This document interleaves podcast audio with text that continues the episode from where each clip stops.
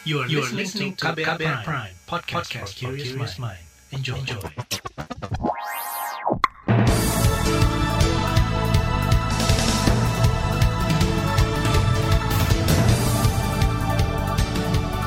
Selamat pagi saudara, selamat pagi Indonesia. Inilah buletin pagi hari ini Kamis 10 Desember 2020 bersama saya Reski Pesanto.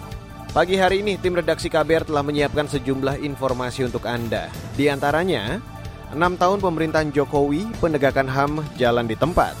Ratusan ribu pemilih pilkada ditegur karena langgar protokol kesehatan dan tim kemanusiaan Papua sulit laksanakan pemulihan trauma di Intan Jaya.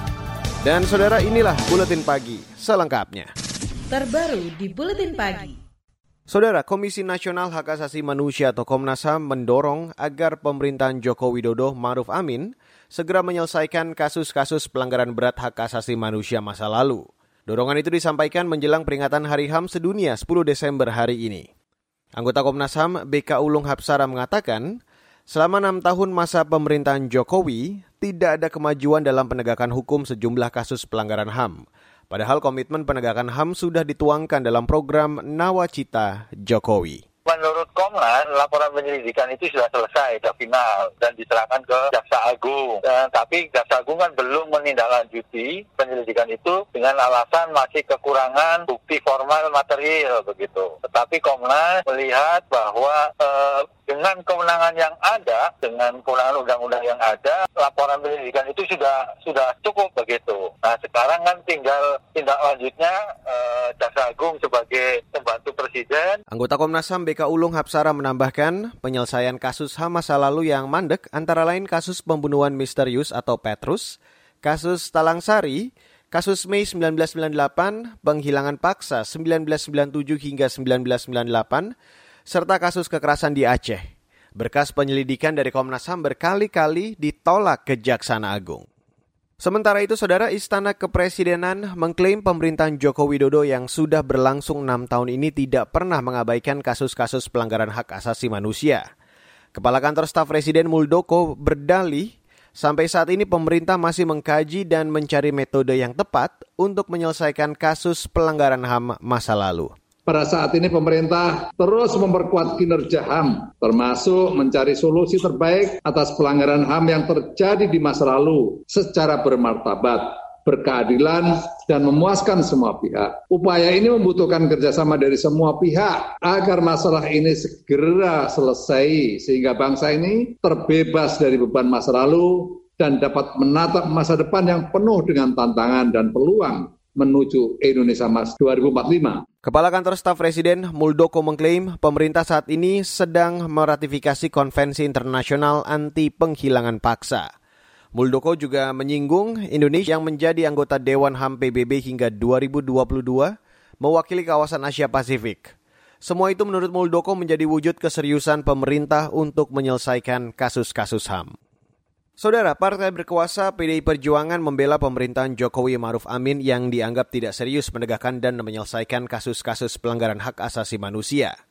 Anggota Komisi Hukum DPR dari fraksi PDI Perjuangan, Iwayan Sudirta menilai, pemerintah sudah memenuhi kewajiban pemenuhan HAM masyarakat, terutama di bidang ekonomi, sosial, dan budaya. Mengenai penuntasan kasus pelanggaran HAM masa lalu, Iwayan justru menuding Komnas HAM yang seharusnya memberikan bukti kuat hingga kasus-kasus itu bisa diproses ke pengadilan. Komnas HAM harus dapat menunjukkan bukti-bukti yang cukup untuk melanjutkan kasus-kasus HAM itu masuk dalam proses persidangan. Nah, dalam proses persidangan, pemerintah harus digarisbawahi. Dalam proses persidangan, pemerintah tidak memiliki peran sama sekali, Pak. Karena hal itu sudah menjadi ranah yudikatif, kan, Pak. Yang independen dan terpisah dari peran pemerintah. Nah, ini. Jangan semua dibawa ke pemerintah. Kalau udah menjadi ranah yudikatif, itu udah terpisah dari peran pemerintah, Pak. Anggota Komisi Bidang Hukum dan HAM DPR dari PDI Perjuangan, Iwayan Sudirta berdalih, sering kali penyelesaian kasus HAM masa lalu terkendala tidak adanya lagi korban, pelaku bahkan barang bukti. Wayan menyebut isu hak asasi manusia mestinya tidak hanya soal kebebasan bersuara, pemenuhan hak sipil, dan masalah politik saja, tapi juga hak secara ekonomi, sosial, dan budaya. Sementara itu, Saudara Yayasan Lembaga Bantuan Hukum Indonesia atau YLBHI menilai pemerintahan Joko Widodo selama enam tahun ini tak pernah mendengar kritikan masyarakat mengenai isu penegakan hak asasi manusia. Direktur YLBHI Asfinawati bahkan menilai jalannya pemerintahan Jokowi sudah mirip pemerintahan Orde Baru. Asfinawati menyebut sejumlah unsur yang membuat pemerintahan Jokowi mirip pemerintahan Soeharto. Di antaranya, Jokowi mengutamakan proyek mercusuar atau mega proyek untuk kepentingan industri yang merampas hak rakyat. Selain itu, keberadaan aparat kerap membungkam hak berpendapat masyarakat sejak 2017 tensinya tidak pernah turun, tensinya terus-menerus meningkat, pembungkaman kebebasan berpendapat terus meningkat, perampasan hak-hak masyarakat, ruang hidup dan kehidupan yang makin masif, maka 2021 uh, pasti akan uh, meningkat terus apalagi uh, sudah ada Undang-Undang 11 2020 dan Undang-Undang 11 2020 sebetulnya adalah akselerator utama dari uh, tiga unsur Orde Baru itu. Direktur YLBHI Asfinawati menyebut Kini bukan saatnya lagi untuk berjabat tangan dengan pemerintah yang sudah berkali-kali mengabaikan suara rakyat. Asfinawati mendorong masyarakat untuk melakukan mosi tidak percaya kepada pemerintah. Saudara, penyelesaian kasus pelanggaran hak asasi manusia atau HAM sebelumnya pernah dijanjikan Jokowi sejak periode pertama menjabat. Janji itu diungkap dalam program Nawacita atau sembilan program prioritas. Jokowi juga kembali memasukkan isu HAM dalam Nawacita Jilid 2 saat menjabat presiden periode kedua. Saudara, ratusan ribu pemilih pilkada ditegur karena langgar protokol kesehatan. Informasi selengkapnya akan kami hadirkan sesaat lagi. Tetaplah bersama kami di Buletin Pagi KBR. You're listening to KBR Pride, podcast for curious mind. Enjoy!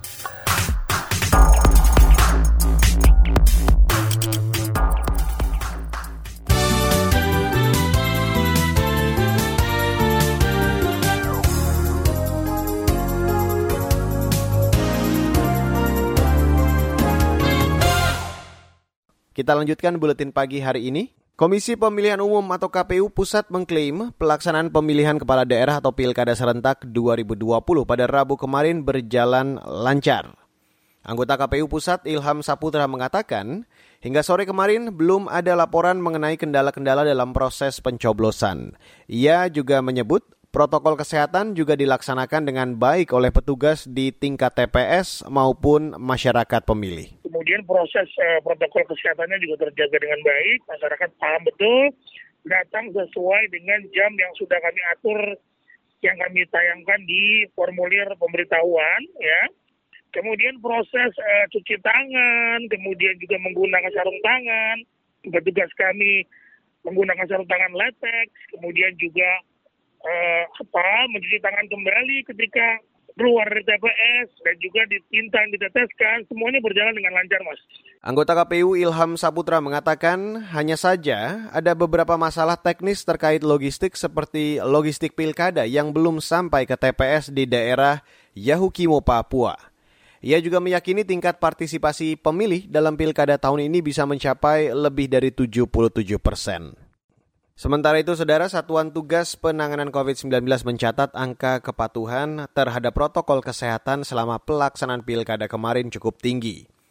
Tim pakar Satgas COVID-19 Dewi Nur Aisyah menyebut, dari pantauan Satgas terhadap pilkada di 229 kabupaten kota, kepatuhan menggunakan masker mencapai 96,5 persen, sedangkan kepatuhan menjaga jarak mencapai 91 persen pada saat pelaksanaan pilkada ini kita merujuk kepada peraturan KPU nomor 6 tahun 2020 dan kita akan mengevaluasi menggunakan alat yang sama untuk memonitor kepatuhan para pemilih individunya termasuk kepatuhan TPS yang melaksanakan pemilihan sesuai dengan peraturan yang sudah tertera. Untuk hari ini eh, pelaksanaan pilkada sudah lebih dari 227 ribu orang dipantau di 34 ribu titik di 299 kabupaten kota. Tim pakar Satgas COVID-19 Dewi Noraisha menambahkan daerah yang memiliki kepatuhan penerapan protokol kesehatan paling tinggi selama pilkada adalah Sulawesi Tenggara.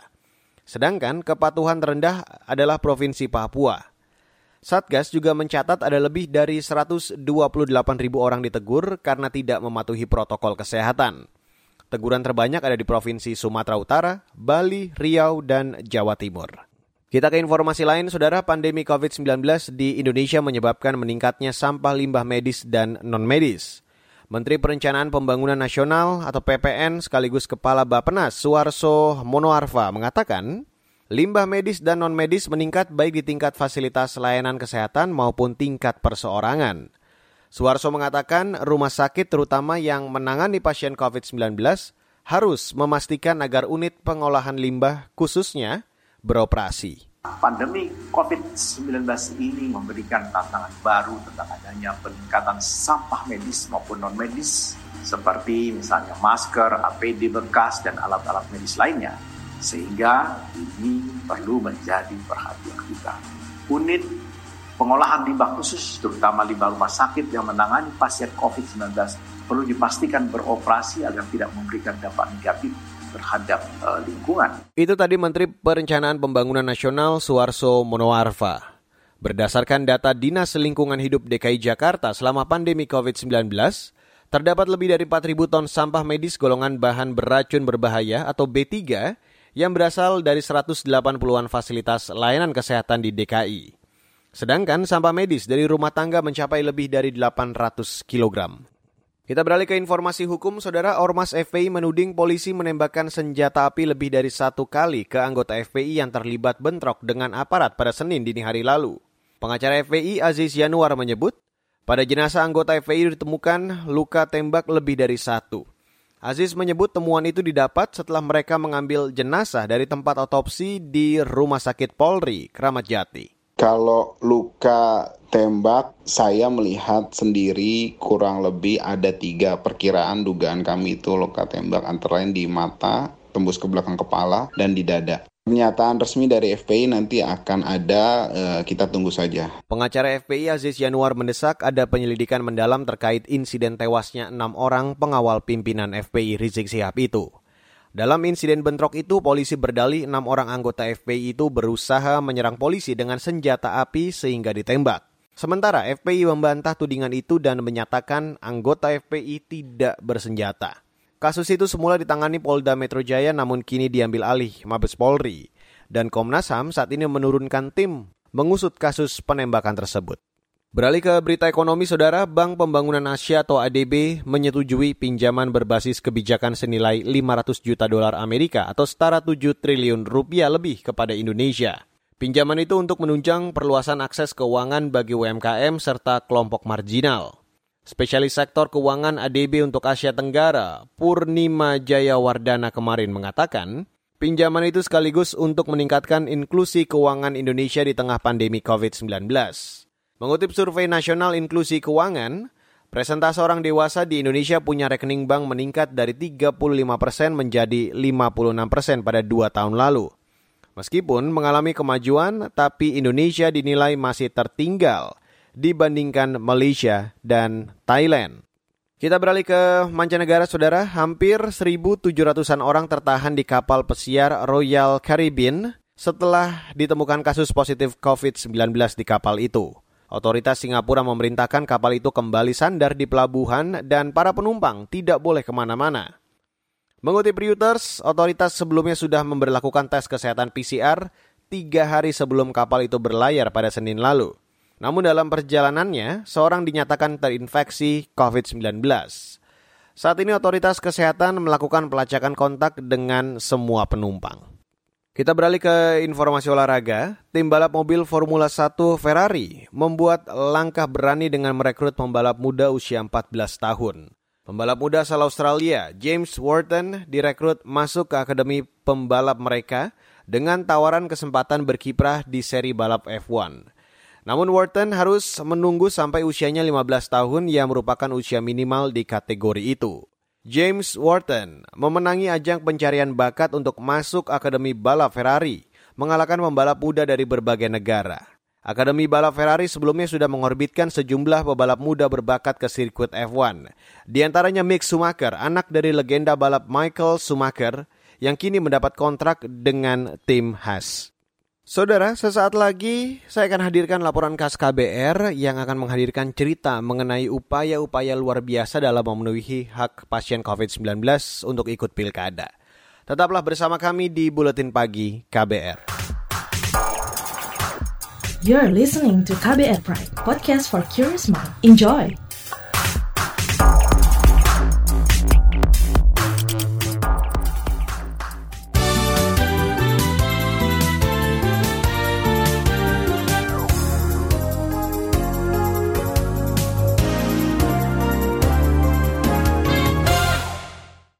Saudara, situasi pandemi mengubah mekanisme pemungutan suara pilkada yang serentak digelar kemarin.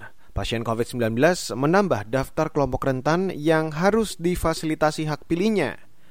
Penyelenggara pemilu menggunakan strategi jemput suara demi memastikan suara mereka terakomodasi. Simak laporan tim KBR yang akan dibacakan Valda Kustari ini.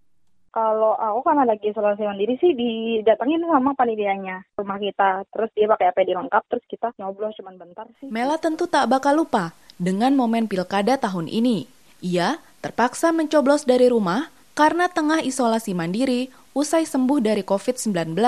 Lepas tengah hari, petugas kelompok penyelenggara pemungutan suara KPPS mendatangi rumahnya dengan prosedur proteksi ketat. Dalam hitungan menit, suara Mela sudah terakomodasi. Cuman kalau di sini uh, setelah jam 12 gitu kan mungkin udah agak sepi ya karena kan ditutupnya jam 1. Jadi baru disamperin untuk yang isolasi mandiri atau yang saat ini masih dinyatakan positif ya karena tetap protokol kesehatan jadi nggak masuk ke rumah gitu. Jadi cuman yang satu itu ketuanya atau panitianya itu pakai APD lengkap, ngasih kartu suaranya gitu kita coblos, dia ngambilin lagi ke kita gitu tuh. Yang satu saksi agak jauh gitu ngelihatnya. Warga Depok, Jawa Barat ini memang sudah dianggap sembuh tanpa perlu tes usap ulang sesuai pedoman Kementerian Kesehatan. Namun, karena masih khawatir keluar rumah, ia menggunakan fasilitas jemput suara oleh petugas KPPS. Proses daftarnya pun sangat mudah sebenarnya kalau dibilang isolasi mandiri kan aku udah selesai ya sebenarnya 14 hari itu. Cuman karena ya udah satu dan lain hal kan banyak orang ya jadinya aku milih untuk didatangin aja konfirmasi dulu. Kalau sekarang kan lebih terbuka ya informasinya. Jadi dari kitanya juga kalau kita udah swab positif itu biasanya udah ada satgasnya dari kelurahan dari puskesmas terus terlaporan ke RT atau RW setempat ataupun sebaliknya jadi KPPS-nya ini udah punya data yang konfirmasi positif atau seperti apa jadi ngedatangin gitu. Memilih di pilkada bagi Mela adalah bentuk kontribusi sebagai warga negara. Ia memuji petugas KPPS di wilayahnya karena disiplin menerapkan protokol kesehatan. Sudah bagus gitu maksudnya benar-benar mendatangi kita gitu kan. Berarti kan dia udah door to door gitu kan dengan protokol kesehatan yang benar-benar dijaga. Bahkan tadi tanya sama orang rumah jadi ada sarung tangan sekali buang gitu. Jadinya udah protokolnya sih udah bagus sih gitu di Semarang, Jawa Tengah, 80 pasien positif COVID-19 di Rumah Sakit Umum Daerah Wongsonegoro juga menyalurkan hak pilihnya. Petugas KPPS didampingi tenaga medis memfasilitasi proses pemungutan suara. Kasih perawatan RSUD Wongsonegoro, Philip Purwoharyono. Ya rata-rata usia di atas 40 tahun lah. Jadi metodenya KPPS sekitar di rumah sakit, tadi ada tiga KPPS, itu datang ke rumah sakit, kemudian kita dampingi oleh petugas rumah sakit, kita guidance, kita pasang hazmat, kita pasang macam-macam, terus yang di dalam itu jalurnya seperti ini, seperti ini. Selain pasien COVID-19, strategi jemput suara juga dilakukan untuk kelompok rentan seperti lansia. Di Depok, Jawa Barat, petugas KPPS mendatangi rumah warga yang rentan dengan mengenakan alat pelindung diri. Hal itu diungkapkan Ersianti, salah satu anggota KPPS di sana. Nggak cuma masker biasa sama uh, face shield aja. Untuk lansia atau orang yang sakit nggak bisa jalan, TPS aku, dua TPS di RT aku juga um, ngejemput mereka kayak mamaku tadi kan sakit nggak bisa jalan jadi mereka juga kayak tadi saksi uh, panwaslu sama anggota KPPS datang ke rumahnya Menurutnya, pencoblosan berjalan lancar. Mayoritas warga menggunakan hak pilihnya dan mematuhi protokol kesehatan. Lumayan dia pada mengikuti aturan kita kan kita nyuruh kalau pemilu bawa pulpen sendiri dan pakai masker wajib. Mereka, mereka alhamdulillah inisiatif bawa emang bawa gitu. Di TPS Pondok Betung, Tangerang Selatan, belasan lansia menyalurkan hak pilihnya difasilitasi petugas KPPS. Para petugas bergerak mulai pukul 11 pagi, usai jumlah pemilih di TPS mulai berkurang. Widodo, anggota KPPS setempat mengatakan ada petugas yang mengenakan baju hazmat. Kita pakai masker, uh, face shield, sarung tangan, berikut kita juga bawa hand sanitizer juga, sama satu orang petugas menggunakan baju asap juga, Bu. Menurutnya, tak ada kendala di lapangan, meski ada penyesuaian prosedur karena pandemi COVID-19. Petugas kita itu masuk dalam rumah, semua saksi, Rinmas, Bawaslu, berikut uh, petugas KPPS-nya, menyerahkan uh, ke tuan rumahnya untuk mencoblos salah satu paslonnya. Cuma namun yang berkontak yang berdekatan langsung hanya yang yang memakai uh, baju hazmat saja. Tapi sebelumnya uh, pencoblos kita cek suhu juga bu, cek suhu normal, baru kita izinkan untuk uh, yang bersangkutan untuk mencoblosnya. Demikian laporan tim KBR, saya Valda Kustarini. Saudara, informasi dari daerah sesaat lagi akan kami hadirkan untuk Anda. Tetaplah bersama kami di Buletin Pagi. Commercial break. Anggota komunitas Be Home, Laras, memberi semangat kepada teman-teman Broken Home untuk berprestasi kalian tidak sendiri dan keluarga yang patah bukan berarti menghancurkan hidup kalian semua. Buktikanlah bahwa anak broken home itu juga berprestasi dan bisa berkembang sebagaimana layaknya anak-anak di luar sana karena untuk menjadi anak yang berprestasi atau sebagai anak yang dicap nakal itu tidak hanya dari anak broken home, anak dari keluarga yang utuh bahkan dalam keluarga yang utuh namun di dalamnya banyak konflik pun itu bisa menyebabkan nakalan remaja lah istilahnya. Simak obrolan selengkapnya dalam podcast Disco, diskusi psikologi dalam episode Ketika Rumah Bukan Tempat Ramah di kbrprime.id dan platform mendengar podcast lainnya.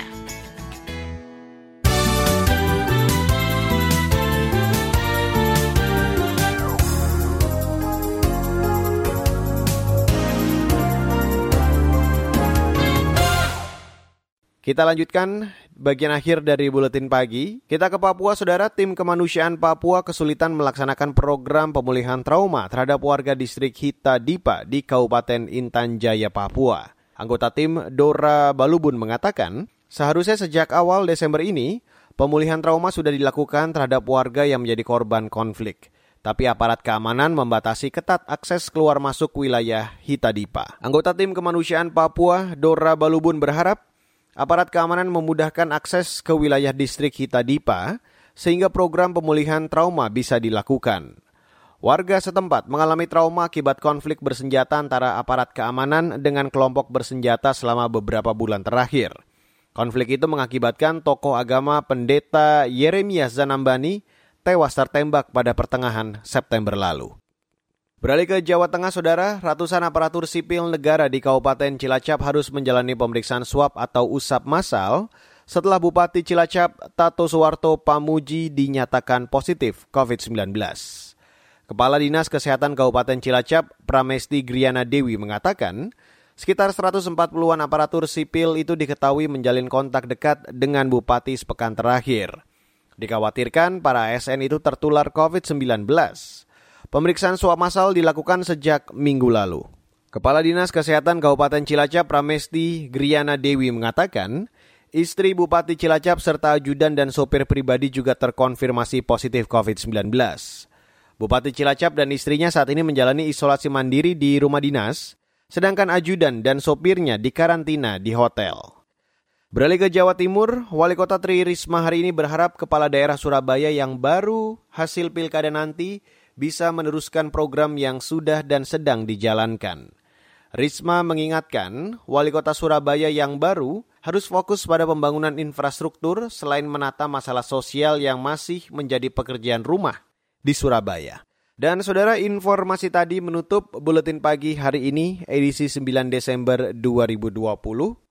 Anda juga bisa memantau informasi terbaru setiap jamnya di kabar baru, situs kbr.id, Twitter kami di account at berita KBR, serta saya ajak Anda untuk mengunjungi podcast kami di kbrprime.id.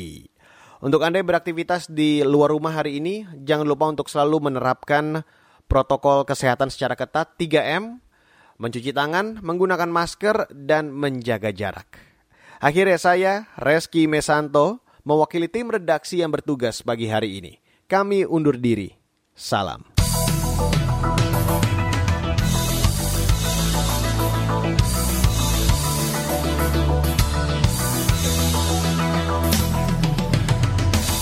KBR Prime, cara asik mendengar berita. KBR Prime, podcast for curious mind.